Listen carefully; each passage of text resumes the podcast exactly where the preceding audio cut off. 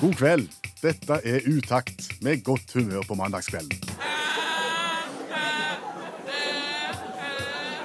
To timer i godt selskap. Med variert musikk. Mikko rev, satt og skrev, bæbæ lille lam. Per Øystein Kvindesland. Og Bjørn Olav Skjæveland. Jeg erklærer herved Radioprogrammet Utakt. for åpnet. Utakt, det radioprogrammet du hører på nå, skal A. Være godt selskap på en mandagskveld. B. Skape godt humør.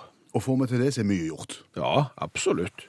Hva har du lyst å begynne med å snakke om i dag? Jeg kunne godt tenkt meg å snakke om en besatt tilhenger. Ja, det, det, er lov, det. Ja, altså Ja. en tilhenger, og da snakker vi sånn en tilhenger som du har på bilen. Og, og, Og den er besatt. Den, ja, den er nok det. Altså, den burde nok hatt en egen episode i Åndenes makt, og vi burde tilkalt et svensk medium. Et massemedium, kanskje? Ja, nesten så kunne kommet og så jagt vekk de eh, onde demonene som har eh, satt seg i draget på den tilhengeren der, altså. Hva har skjedd med den besatte tilhengeren? Nei, mye. Eh, Det er jo da en eh, relativt ny tilhenger. Den er jo sikkert knapt et år eh, gammel, denne tilhengeren, og det er ikke min. Hvem er det som eier den? Ja, vi kan jo si at det er svigerfarmen, for det er jo hans. Da sier vi at det er svigerfar sin Ja. tilhenger. Eh, og så nylig, for en liten måned siden, så Og det er jo veldig greit at det er en tilhenger i familien, på en måte, for da kan jo alle liksom slekt og, og venner og sånn rundt han på en måte låne den Ja, ja. tilhengeren som slipper å kjøpe sjøl. Eh, og så for ca. en måneds tid siden så, så var det jo en annen slektning av meg som ville låne den tilhengeren. Og det endte med at tilhengeren hoppet av kroken. Og selve staget, Ja, altså, det, selv- det som på en måte er trykt ned på klumpen. Ja, altså, ja, det hoppet av, og, og tilhengeren og bilen skilte lag, for å si det sånn. Heldigvis så gikk det veldig greit. Eh, Det kunne jo gått eh, gale, men det gikk i orden. Det røyk jo den der veieren som gjør at eh, bremser skal gå på på tilhengeren, og så stoppet tilhengeren, og, og bilisten fant ut at eh, tilhengeren ikke lenger var på. Men så lo vi jo litt av eh, han, sant, i slekta, så hadde vi på en måte et kort i ermet som vi kunne trekke fram ved gylne anledninger, og liksom, ja, ja, det er du som ikke kan kjøre med tilhenger, og ikke vet hvordan du skal feste den, så var det litt gøy. Og det ble jo ikke mindre gøy dagen etterpå, Hva skjedde da? for da var det faren hans som lånte den samme tilhengeren. Aha. Og da hoppet han av igjen. Oi! Og så lo vi jo enda mer, for da var det jo far og sønn som ikke kunne kjøre tilhenger, og hadde greia på dette. Og den tilhengeren måtte inn to ganger til reparasjon på to dager, og få ny sånn en veier som gjør at eh, tilhengeren stopper når han hopper av. Så det hadde vi veldig mye show med. Ja. Eh, Så gikk det et par uker, så var det far min som lånte den. Ja. Eh, og han lånte den, det var jeg som lånte den, men det var han som kjørte den da.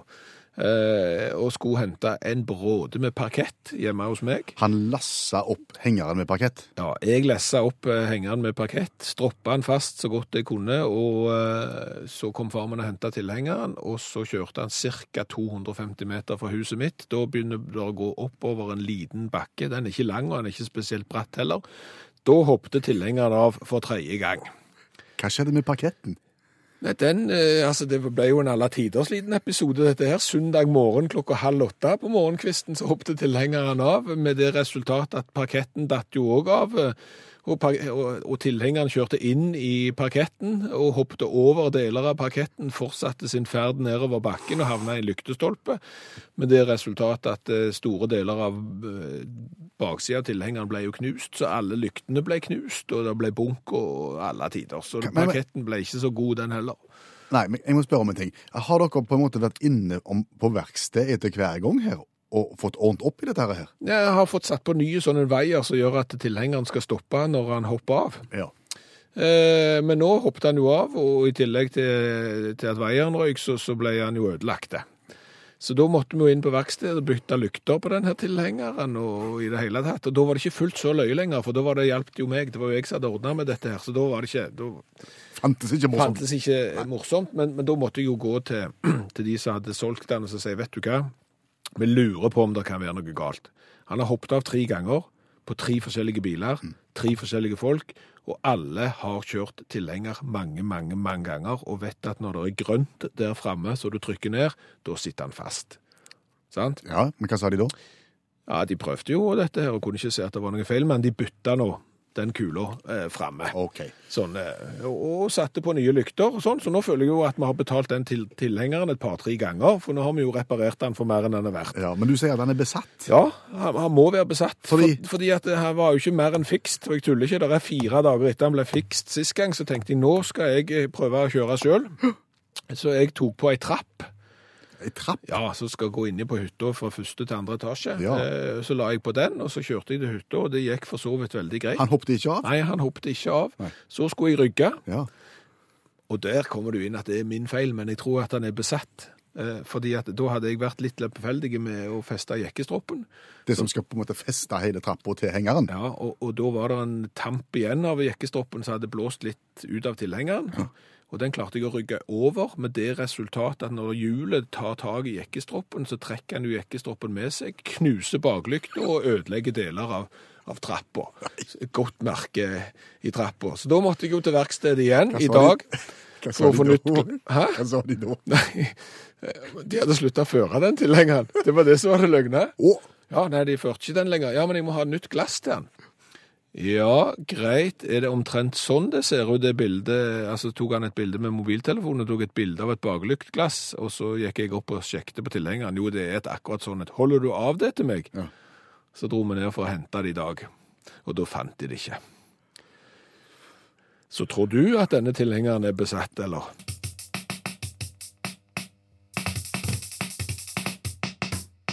Du hører utakt i NRK P1, og vi lurer på eh, forskjellige Skjæveland. Og noe av det vi lurer mye på, det er priser på flyreiser. Ja, 16 899 kroner på den, og 15 027 på den. Nå er du inne på to forskjellige leverandører av flybilletter til Nei, nå er jeg inne på eh, samme flyselskap, men forskjellige Ja, nå kan vi forklare dette. For det vi lurer på Ja. Hvordan kan det være billigere å kjøpe en flybillett gjennom et reisebyrå på internett enn å kjøpe den nøyaktig samme flyturen? Og da mener vi nøyaktig samme flyturen. Du reiser med samme flyselskapet, fra samme flyplass, på samme klokkeslett, på samme dag. Hvorfor er det dyrere hos flyselskapet enn hos et reisebyrå? Det er helt uforståelig, for i vårt hode så skal jo folk tjene penger. Alle vil tjene penger. Ja, Så en vil jo tro at reisebyrået som formidler dette her, vil tjene sin skvett. Men når de kan selge billetten billigere, så skulle en ikke tro at de gjør det allikevel. Nei, jeg skulle tro de tapte penger på å selge en flybillett. Gjør ikke det, vet du. Og, og, og det beløpet jeg satt og, og skisserte nå i starten her, det er da tre voksne og ett barn fra Stavanger til Chicago i USA. 16 899 kroner eh, med SAS hos SAS. Og 15 027 kroner på internett. Eh, Mange som leverer den flybilletten der, langt, langt unna 16 899 kroner. Hvordan er det mulig? Kjør debatt. Ja, det er ikke noe å debattere. Det er, for, for vi, er jo, vi er jo enkle sjeler, eh, og dette har vi sjekt. Eh, For vi begynte jo å lure på, er det sånn at disse reisebyråene er subsidierte, det vil si at de får lov å kjøpe flybilletten billigere? Jeg har snakket med to reisebyrå. Begge disse har sagt at nei, det kjenner vi ikke til at det er noen som får lov til. Nei, så det er ikke sånn at de kan gå ut tidlig altså, og kjøpe opp et raus med billetter Nei, det- som de kan dumpe. Det kjente iallfall ikke de to reisebyråene som jeg snakket med til, og det kan jo hende at det er eh, noen andre som har andre vilkår. Men, men hvorfor da vil f.eks. SAS, hvis nå dette er en hypotese, hvorfor vil de da selge billetter til et reisebyrå for en lavere pris enn de vil selge den til til meg? Kan ikke jeg få lov å kjøpe den? Jeg har jo kjempelyst. Jeg kan være lojale. Jeg kan gjøre alt. Og det er jo akkurat likt. Vi forventer at hvis vi oppsøker en produsent av uansett hva det er, så skal det være billigere enn hvis vi må gå en annen plass og kjøpe. All logikk tilsier det. Ja, ja. Altså Fordyrende mellomledd pleier jo det å kalles. Ja, men så vet vi jo det at for eksempel Rema, ja, det slutter gjerne på 1000. For eksempel, kjøper inn store kvanta av ting, så forhandler de seg fram til gode priser. Eh, og så betyr det at hvis vi går rett til den produsenten, som for eksempel selger den der æblejusen eller noe sånt, så er den dyrere rett fra produsenten enn via butikken. Må dere være greie! Når vi kommer til dere, direkte til dere, så forventer vi å få den laveste prisen. Ja. Og sånn er det med flybilletter òg. Ja. Og, og sånn skal det være med hotellrom. Sånn skal det være med absolutt alt. Hvorfor skal vi, hvis vi vet at det flyet der går fra Stavanger til Oslo Ikke dunk sånn i bordet. Jeg blir så revet med. Hvis det flyet går fra Stavanger til Oslo, og det for eksempel er Norwegian som flyr, så går jeg inn på Norwegian, og så kjøper billetten der, og der skal den være billigst. Alt annet vil være toskeskap. Og hvis noen kan forklare oss de mekanismene der, så setter vi gjerne pris på det. Det er mulig vi må snu og hive oss rundt nå og dementere. så det Det pleier å være sånn. pleier å være sånn. Men vi får lov å irritere oss til vi vet fasiten iallfall. Du kan f.eks. sende en SMS til 1987 og starte den meldingen med utakt, eller så kan du følge oss på Facebook og, og fortelle det du vet om dette der. Ja, jeg skal legge ut et lite agn på Facebook-sida til utakt. Et lite åte.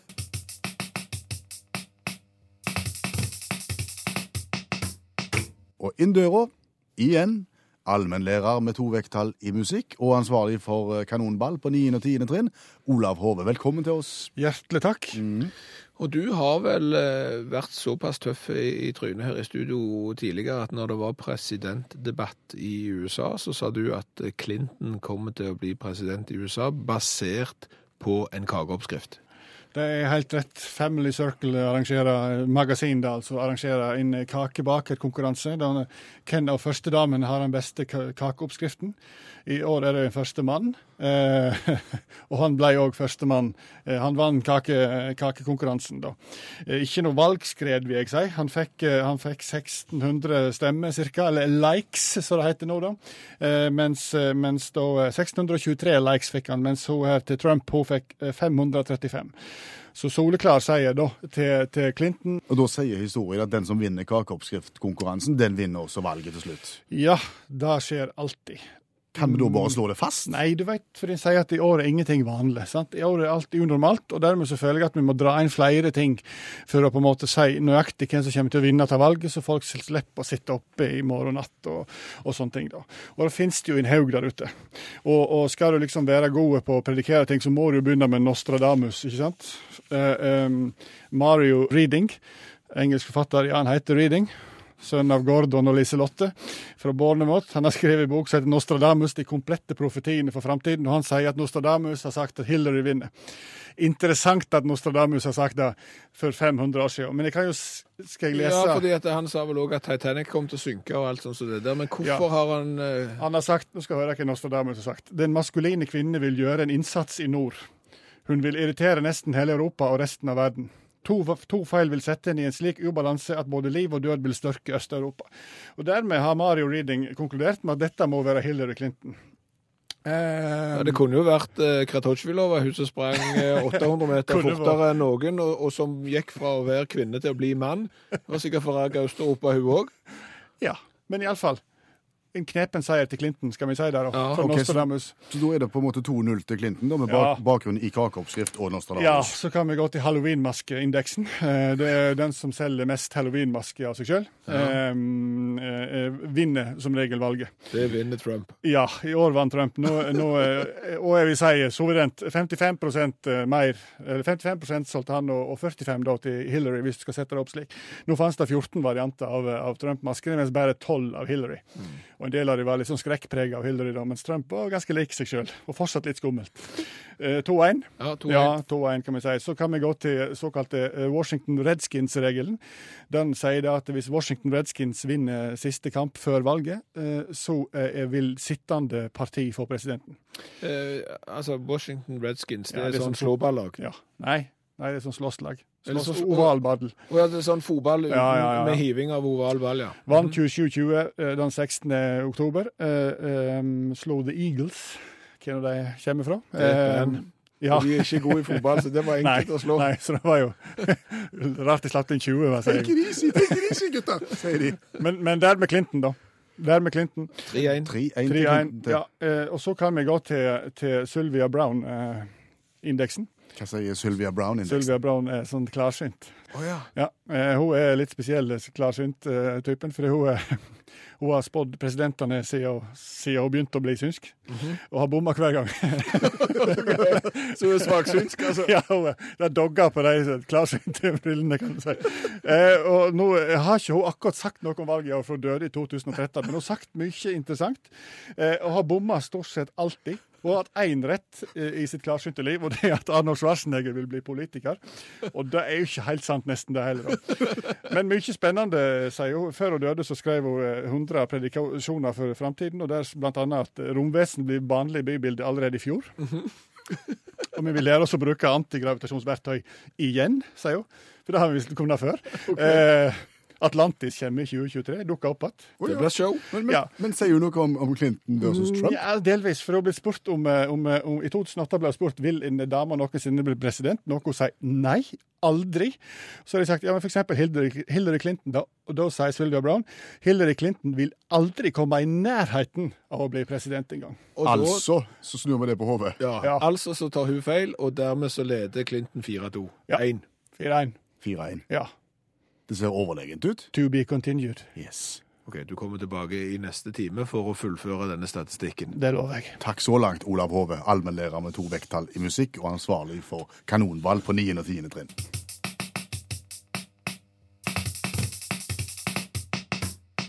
Det vi liker å gjøre i, i dette programmet, her, det er å, å hjelpe hverandre til å, å bli gode.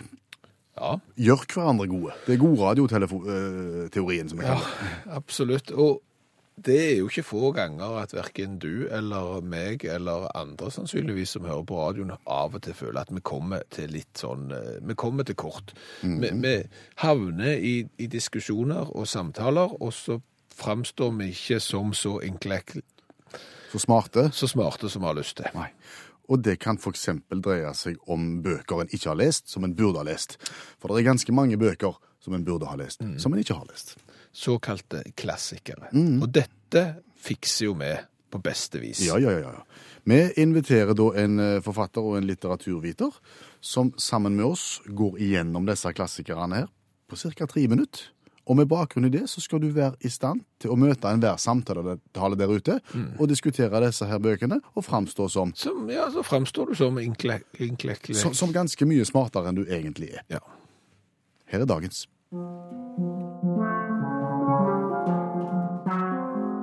Tarjei Vesaas, 'Fuglene', fra 1957. Tusten Mattis bor med søstera Hege. Mattis har ikke så lett for ting og prøver hele tida å bli akseptert av lokalsamfunnet uten å lykkes. Søstera får kjæreste. Alt går til helvete. Det er ikke Ja. lov å si det. Jo, det er lov å si det, men eh, ordet tust er Ja. litt eh, mer Jeg- sjelden brukt i, i Jeg reagerte også radio. på tusten. Vet vi hva en tust er? Vet vi hva tusten sp- eh, viser til? Hva det er symbol Ja, Er på? ikke det at du er utstyrt med bitte litt eh, mindre håndbagasje, og dermed kunne flydd billigere på Norwegian enn hos andre? Det er helt riktig. Ok. Fordi at tustene er jo de der granflisene som aldri vokser opp til å bli trær. Å, Så eh, det denne boka handler om, er jo utenforskap. Hvordan vi tar vare på de som ikke har så mye håndbagasje som oss sjøl. Eh, og, og Tusten, han, eh, han eh, Altså, det er, jo en, det er jo en fortelling som handler om hvordan vi møter de som er annerledes, og samfunnet kommer jo ikke så heldig ut eh, i denne fortellingen, fordi at det, eh, det går jo ikke noe bra med Tusten. Han blir jo aldri akseptert, og, og han eh, Det er jo et annet sånn fint symbol, eh, en sånn symbolsk hendelse hvor han luker i bondens åker. Han prøver å ta vekk ugras og alt det som må vekk for at de skikkelige, forriktige vekstene kan få leve. Og det er jo et symbol på han sjøl. Så det er jo en veldig sånn hjerteskjærende og vond roman. Denne har jeg eh, måttet tvanglese i ungdomsskolen, og dermed så har jeg aldri hatt lyst til å lese den igjen. Eh, Hvem er det som blir imponert hvis du sier at du har lest 'Fuglene' frivillig? Det er norsklæreren din. OK. Ja, Så hvis du treffer norsklæreren, og dere kanskje ikke leste 'Fuglene' på skolen, og gjerne dere leste 'Tidlig om våren' av Haldis Moren Vesaas, og du sier 'ja, jeg har akkurat lest 'Fuglene', og da da er du i mål. Du Så dette men jeg tenker at det er egentlig Altså, Vesaas, selv om han er en klassisk forfatter, så har han ikke så høy standing som f.eks. Hamsun. Så det at er ingeniører og næringslivsledere og sånt, de, de blir ikke spesielt imponert av at du, du leser Vesaas. Og det er òg delvis på grunn av nynorsken. De liker riksmålet til, til Hamsun. Det klinger mye bedre hos de. Er det noen sitater fra fuglene vi skal ta med oss? Ja, det er det. Eh, dette sitatet. Er jeg skarp for alvor nå? da er det i alle fall ikke for tidlig, tenkte han. Det var djupt. Ja. Og det er jo litt sånn Det er litt tungt, og det er litt sårt, og det er litt trist. Så det er liksom gjerne ikke den boka du drar fram i festlig lag. Men gjerne hvis du har lyst liksom å si noe om utenforskap eller annerledeshet, da kan du dra fram eh, fuglene. Husker jeg feil? Er det noe vassing her til slutt? Det er noe vassing og litt drukning. Til slutt, Ja, det er helt riktig. Ja, men Da husker jeg rett. Hvor kommer fuglene inn i bildet? Nei, det er jo dette her med at Mattis han kan Han kommuniserer veldig dårlig med fuglene Nei, med menneskene, men han kommuniserer bra med naturen. Og han kan annet snakke med fuglene. Og så er det dette her med fugler. De, de kommer og går, og så er det en fugl som dør, sånn at det symboliserer Eller det er en sånn frampek da, på at Mattis òg eh, kommer til å bukke under. Jeg føler at du egentlig anbefaler oss å lese fuglene. Ja, jeg gjør egentlig det. Og alt annet av Vesaas.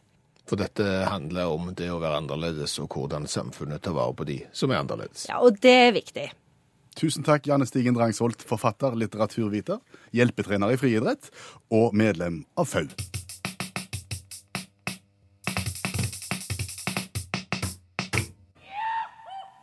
Og så er vi veldig glad for alle som tar seg bryet med å melde seg på konkurransen, og som svarer rett på inngangsspørsmålet, for det blir stadig flere.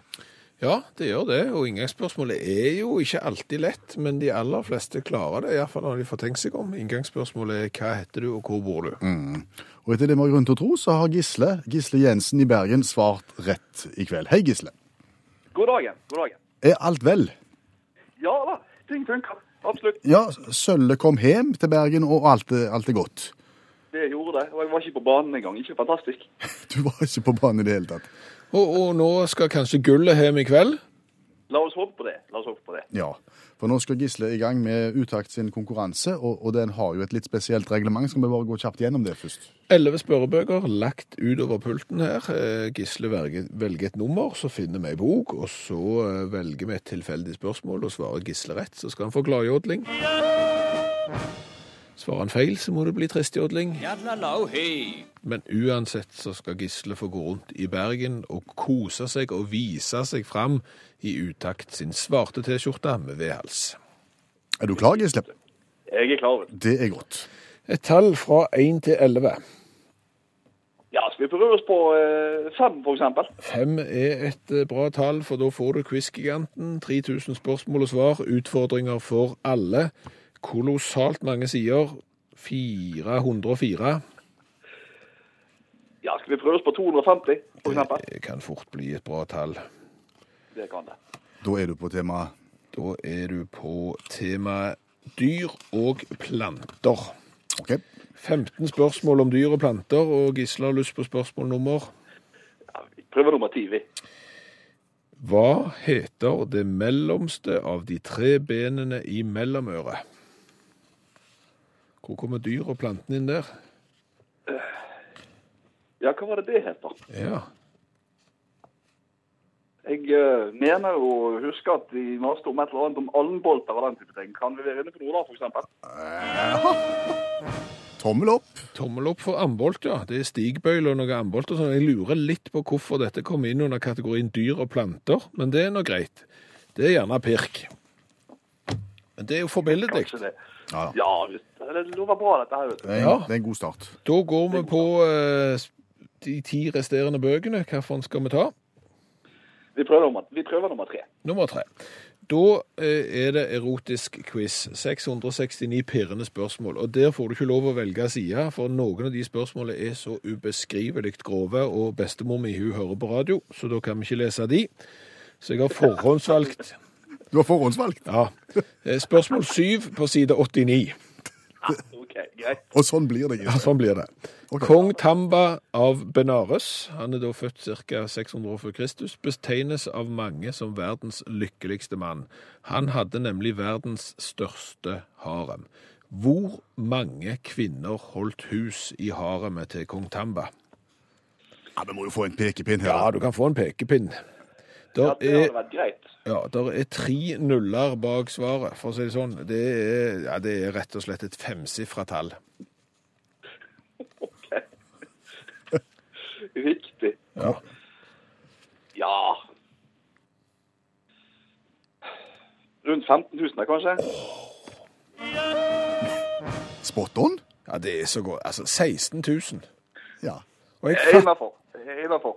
Og jeg fatter ikke hvordan noen kan påstå at kong Tamba av Benares med 16 000 kvinner i haremet kan være verdens lykkeligste mann. Han må jo være den mest ulykkelige i hele verden. Nei, 16 000 Han han må premenstruelle. han må jo ha hatt et helvete. Ja. Å, herre mann. Nei, vet du hva? Nei, det der må være For en jobb. For en jobb. Ja, men det er jo formidabelt. To av to. Og det er ni spørrebøker igjen. Vi går for nummer ni. Nummer ni. Det er barnas egen spørrebok, men det er ikke den eldste. Det er den yngste vi har, og da glemte du tid den var. Den er fra 1975. Den er fra 1975, den, er, den er så godt som ny. Det er så godt som ny. Ja, det høres bra ut, det. 70 sider. Ja. 64. Da er vi der, og vi er på hulter til bulter. Og 23 spørsmål om hulter til bulter. Ja, vi prøver 22, vi. Skal vi se. Hvordan har de klart å få til dette her? Her er fasiten først. Ja, Det ble dumt å lese den, så bare ta Det spørsmålet. ja, ja, ja. Det blir krøkkete. Jeg prøver jo så godt jeg kan. Hva er en totempol? Pol? Ja, det er jo helt Er det mulig? Gjenta Ja, spørsmålet. det, det her, her er det hulter i bulter, rett og slett, for svaret er han er 15 år gammel. Så, Ja, men totemper, altså, Ja, det- jeg, jeg, jeg, jeg, jeg tenker, jeg tipper, jeg tipper de sier at det er to tanter. det er jo en, eh, ja, kall det trestamme med utskjæringer i, av diverse varianter. Ja. Type kunstnerisk, det, eller en kunstnerisk variant, eller hva vi nå skal kalle det for. Det er helt forbilledlig. 10-15 meter høy stolpe med utskårede dyr og menneskeskikkelser som forestiller ånder. Det her var jo hulter i bulter. Spørsmålene og svarene sto jo virkelig i hulter i bulter, men dette var jo forbilledlig. Har du, har du lest om totempel i Sølvpilen du òg, Gisle? Nei, jeg har ikke det. Jeg har ikke det. Det, skulle, det, det, det anbefaler vi. Ja, vi gjør Ja, det. men da, ja, men ok, jeg skal ta den, den, den skal jeg ta til følge. Og- og-. Og vi som leste om sølvpilen, og som ikke helt visste hvordan vi skulle uttale ordet, vi sa jo to tempel. Ja, Ja, selvfølgelig gjorde dere det. Ja. Klart det. Dansen rundt totempelen. ja. Ja, nemlig. Nei, men det er bra. Ja, men dette er jo helt eh, kanon, eh, Gisle. Nå kan du jo gå med hodet høyt heva i morgen og si at du er en av de beste uttakter hatt gjennom eh, konkurransen sin noensinne. Nei, men det, det høres bra ut. Den er fin. Utaktgullet kom hjem.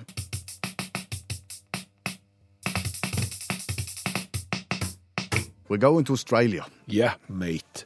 Eh, Vi skal til Australia og smake på australsk cola. Ja, Hvis du ikke har hørt dette programmet før, så, så vet du ikke at vi smaker på cola, men det gjør vi omtrent på denne tida hver eneste mandag. Det har vi gjort i snart to år. Smakt på ulike colavarianter fra hele verden. Det er en vanvittig colajungel der ute, og vi liker å rettlede deg og fortelle deg hvilken du bør velge i de forskjellige landene.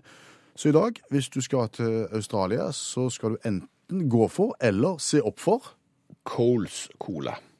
Og Cole Coles er jo da en gigantisk supermarkedskjede i Australia, noe sånn som 100 000 medarbeidere, og er en av de største aktørene på dagligvaremarkedet i Australia. Og da har de jo da fått lagt sin egen cola, og det er den vi sitter med foran oss. Og det som er rørende her, den her colaen har vi fått fra Erlend og Jan Fossheim, eh, som da har jo selvfølgelig vært i Australia og kjøpt den her, eh, og de kan fortelle at vanlig, tradisjonell Coca-Cola er stort i Australia, så det er ikke så veldig mange andre alternativ å oppspore i Australia. Men den flaska jeg holder, den er 1,25 liter. Det vil si, to nordmenn har reist til Australia. Så har du funnet ut, skal vi ta med oss mye kjekt fra Australia hjem? Nei, vi har ikke plass i kofferten, for der ligger det ei over halvannet kilo tung flaske nesten. Og den skal til utakt. Den skal til, den skal til utakt, så, så vi, det er bare rørende oppførsel. kanonbra. Men vi vet altså ikke så mye om den colaen, bortsett fra at den ble produsert fra denne her Coles-kolonialen, og at den finnes da i litt over en liter størrelse her. Ja. Eh, skal vi bare gå løs på den? Plastikkflaske med rød etikett, ikke så veldig langt ifra den tradisjonelle Coca-Cola-etiketten. Åpne og smake. Eh, må det òg sies at denne colaen er faktisk nesten et år gammel, men det er alle tiders med kullsyre i den. Det lover godt. Det lover bra. Da gjør vi som vi pleier, nå smaker vi først, og så gir vi karakter fra 1 til 10 på smaken, og så skal vi ta design etterpå. Lukter lukter søtt. Og smakte søtt. Søtt var det, Ja. men slettes ikke verst. Nei. Litt av den der Hubba Bubba-smaken, og egentlig litt rart, for det står at det er ingen eh, kunstige fargestoffer inni her, og det er heller ingen eh, kunstige tilsetningsstoffer. Så og det har jo vist seg før at det pleier ikke å være et godt skussmål for en cola, når det ikke er kunstige ting inni det. men, men, men her, har de ikke, her har de fått det til. Ja. Skal, skal jeg være helt ærlig, så dette er noe av det bedre jeg har kjent på lenge i denne serien. Ja, det er jeg ikke like. Det er litt for søtt for meg. Seks i smak. Nei, jeg går på fem. Det er meg der. Fem smak. Seks på deg. Og så er det utseende. Ja, altså, hvor kult er det å bli seende hengende på et gatehjørne med 1,2 liter kols? Det er jo aldri kult å stå og henge på et gatehjørne med 1,2 liter med brus. Det Nei. ser bare litt tragisk ut. Eh, Sånn er det. Men hvis vi ser vekk ifra det, så er det jo litt tøft, altså. Der er jo bilde av en kenguru på. En liten kenguru nede i Australian Made. Yep. Det, det, altså, er du i Norge og drikker australsk brus, så kvalifiserer du til tøft uansett.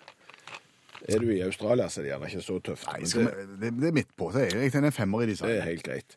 Da er vi på 21, og det er langt Ikke langt over midten, så iallfall godt over midten. Hvor mye har den som leder hele greia? Det er 30 poeng. Det er den norske Tøyen-colaen foran den eh, tyske Filanca-colaen. Eh, 21 poeng er det svært mange som har. Fentimans eh, Curiosity Cola, Green Cola, Mexicana Cola, Planet Cola. Mange på 21 poeng. Og fortsatt helt, helt, helt i bånn. Ja, det er jo Cherry Coke, Alt, selvfølgelig. alt som har med cherry coke å gjøre, ligger i bånn. Altså sånn, sånn kirsebærtilsatt cola. Ja, ja. Går ikke an.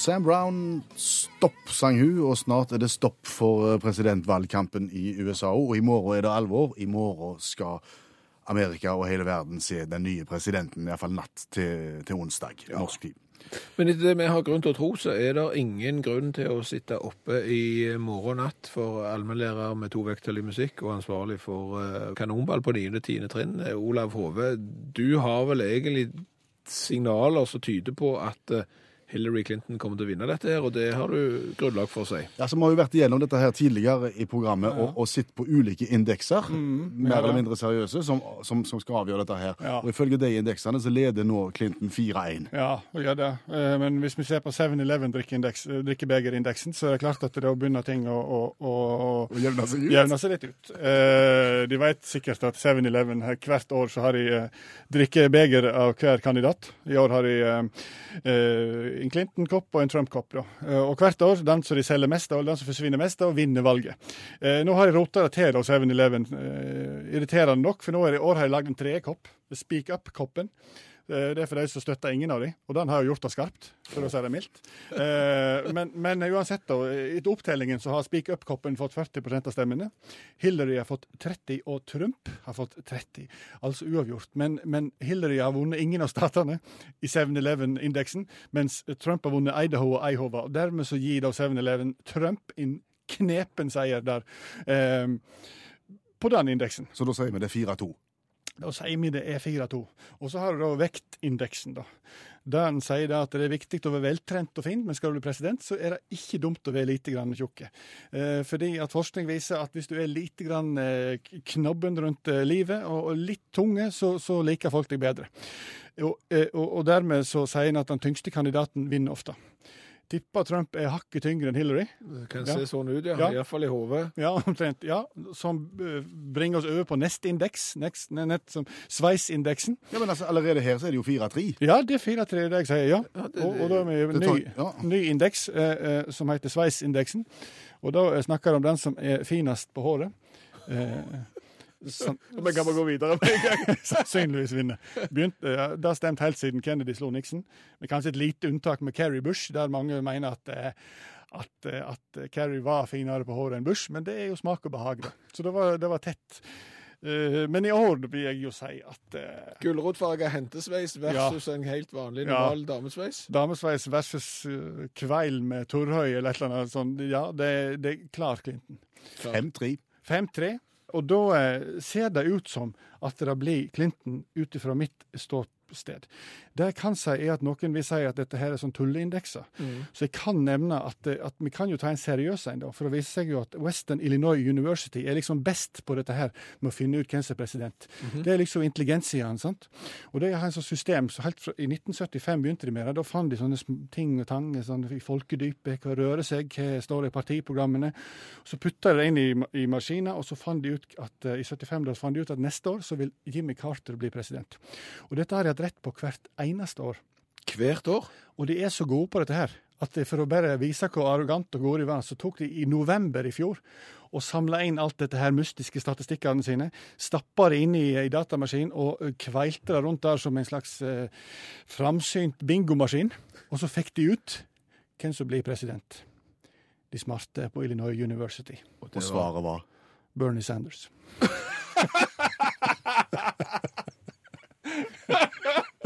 Knepent foran Jeb Bush, vel å merke. Tusen takk. Allmennlærer med tovektig musikk, Olav Hove, som også er ansvarlig for kanonball på 9. og 10. trinn.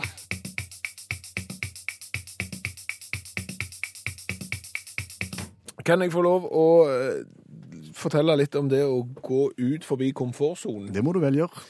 Fordi at på søndag så var det jo eh, allehelgensdag. Ja, det er den dagen hvor en skal minnes kjære som har gått bort. Ja. Og, og da lot jeg meg på et eller annet vis eh, overtale av en kollega her på jobb om ikke jeg kunne være med for aller første gang i mitt liv eh, og synge sammen med hun i kirka. Akkurat på en såpass spesiell dag. Ja, eh, og, det er en ting jeg aldri har eh, gjort før. Du og meg har jo eksempel stått og gjort oss løgne foran 20 000 mann. Vi kjente ikke spesielt på det. Nei, det var ikke alle- alle helgens søndag heller. Nei, det var, det var ikke det. Det var vel Sankt en sankthansaften. Ja, men det var mye folk. Ja, det var det. Og det er jo et par hundre tusen som hører på radio akkurat nå, og vi kjenner ikke sånn på den der nervøsiteten der. Nei, skalv du i foten når du skulle Å, herre min hatt, så jeg skalv i foten. For, det her, for det første så skulle jeg ut og utføre vart arbeid. Ja. Det skulle være følsomt og fint, og jeg kan det ikke. Nei, du er ikke så god på det. Nei, jeg er ikke det. Ikke kan jeg spille gitar, for det skulle jeg gjøre. Ikke kan jeg spille spesielt godt piano, det skulle jeg òg gjøre. Og ikke er jeg spesielt god å synge, og det skulle jeg òg gjøre. Og det var alle helgens søndag, og folk kom for å minnes de eh, som har falt fra det siste året. Mm. Begynte du med den med pianoet? Jeg begynte med den med piano, nei, jeg begynte med den med, med gitaren, men vi kan jo ta den med pianoet først. Fordi at der sitter det da en pianist, en organist. Han som som hører til i kirka? Ja, og han spiller jo feiende flott. Ja. På den ene sangen etter den andre. Han er begava som bare det, og du sitter og gruer deg og tenker det her, det her kan jeg ikke. Så overlater han krakken til det til meg, og jeg setter meg ned. Ja. Går han vekk, da? Ja, men ikke langt. Han setter seg på stolen ved siden av, så, så han har på en måte armen liggende omtrent på flygelet der, som en sånn en valgobservatør, sant? jeg skal reise til USA nå og se at alt går rett for seg. Og jeg har ikke så mange akkorder inne. så da er du litt usikker. Eh, Men før vi var kommet så langt, så har du jo blitt enda mer usikker, eh, fordi at da skulle du spille gitar og, og synge vart, og så kunne du jo ikke så godt det. Eh, Og det verste av alt var at den sangen som vi skulle synge, den hadde jeg valgt. Ok, Med bakgrunn i, i tematikken for dagen? Det var det jeg var litt usikker på, ser du. For jeg hadde en fin sang i bakhovet som jeg følte kunne passet, men Ja. jeg vet ikke helt hva den handler om. Nei? Men, men jeg føler at den kan brukes på, på søndag, for jeg tror kanskje den handler litt om, om det å miste noen, men jeg er søren ikke bombesikker. Men dere gikk i gang og, og sang va- vart og vakkert på den sangen? Ja, og så diskuterte vi det litt på, på forhånd, at vi er ikke helt bombesikre på hvor den sangen egentlig står, men det er jo ikke så farlig, fordi at han er på engelsk, og, og folk hører på en måte at det kanskje kan være litt trist. Så det, Det er ingen som får med seg det er ingen som får med seg det uansett. Så det, det skal vi slippe unna med. Satte meg ned på krakken, fant fram gitaren, og vips, så kom teksten opp på storskjerm. og det var det ingen som hadde fortalt. og dermed så var det jo ingen vei tilbake. Det var bare å spille og håpe at han passer. Og jeg er søren ikke sikker den dag i dag, men, men jeg tror kanskje han passer. Men jeg vet ikke hva han handler om. Men det blir litt sånn som det er med engelske sanger. Du får legge i meningen sjøl. Du får tolke det sånn som du vil.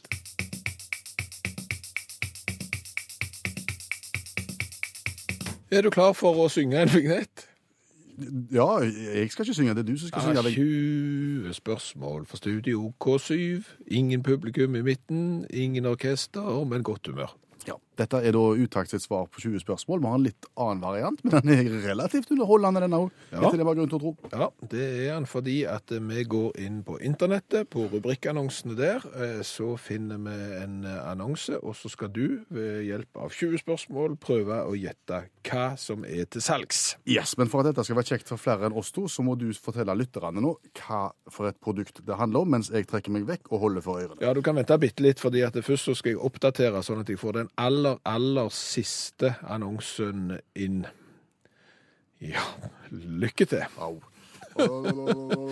Deksel til en 2,5 liters turbodieselmotor til en Audi A6. Jeg frykter at det var lenge. Ja, du kan komme tilbake nå. Den er lagt ut for ett minutt siden i Sandefjord. Og vi går i gang. Yes. Er det noe jeg trenger? Nei. Er det noe du trenger? Nei. Er det noe noen trenger? i det Ja, hele tatt? det kan godt hende det er noe. Noen trenger det nok, ja. Er det noe en bruker innendørs? Nei. Nei. Overhodet ikke innendørs. Eh, Er det noe en bruker i hagen? Det er lite brukt i, hagen. I så fall så vil det være ekstremt spesielt. Er det brukt eh, på eiendommen min i det hele tatt? Nei, men den har kanskje vært innom deler av eiendommen din en gang, og så har han rygd ut igjen. Der ga du meg et stikkord. Ja, jeg måtte hjelpe deg nå, for det er jo kolossalt vanskelig. Den har rygd ut, det har med bil å gjøre. Det har med bil å gjøre, ja. Det er noe som har med bil å gjøre. Ja. Er, det, er det en pyntegjenstand til en bil? Mm, ja. Faktisk så er det en pyntegjenstand til en bil som du nødvendigvis ikke ser. Jeg ser ikke pyntegjenstanden. Nei, altså han Altså, er... det, det, er ikke, det er ikke noe som henger i speil, eller noe sånn fint fiffig noe. Nei. Det, har det noe med lakken å gjøre? Nei. Har det noe med eh, sånne nei, um, felger å gjøre? Nei. nei, jeg ser det ikke, nei. Du ser det ikke. Er det under bilen? Nei. Er, er, det, er det i motoren? Ja. Tolv spørsmål. Pyntegjenstand som finnes i motoren? Ja, pynt og pynt, Du skal jo ikke pynte deg for Nei, noe. men, men det er jo til pynt på en måte, fordi at det har jo strengt tatt ikke noen veldig viktige funksjoner. Ok, men er det, kan det være Bendix-drevet? Det verste av alt er at du ikke vet hva et bendingsdrev Ingen er. Men det er et tøft ord. Ja, det er veldig tøft ord. 14 spørsmål, og det er ikke bendingsdrevet. Er det Karmakslingen? Ja, du vet jo heller ikke hva er, og det er heller ikke Er det toppen? Du nærmer deg nå. Nei, det toppen. Ja, du nærmer deg. OK. Eh, Altså, kikk oppi en moderne bilmotor. Mm. Åpne panser og kikk oppi. Hva ser du da av, av på en måte motordeler? jeg ser vindusspylervæsketanken. Ja, og hva ser du på en måte- Batteriet. Ja, knapt. Og eh, Radiatoren. Nei, du ser jo nesten ingenting. Nei, nei, du ser det, det er Nei, som og deksel. hvorfor Hva var det du sa? Jeg ser et deksel. Ja, du ser et deksel. Er det dekselet som ligger over motoren? Riktig, det. Til hvilken bil? Ja, og hva til hvilken bil? Du har to spørsmål igjen, jeg kan hjelpe deg såpass at de som ofte kjører denne typen bil, eh, har ikke krav om å bruke blinklys, og det er ikke BMW. Da er det Porsche eller Audi. Da Ja. går jeg for Audi. Det er Audi, ja, og det er da dekselet til en Audi. Hva type Audi da? Eh, Det er ikke, det er tall mellom fem og sju. Da er det sju. Mellom fem Og og sju. mellom fem, nei, da er det en sekser. Ja,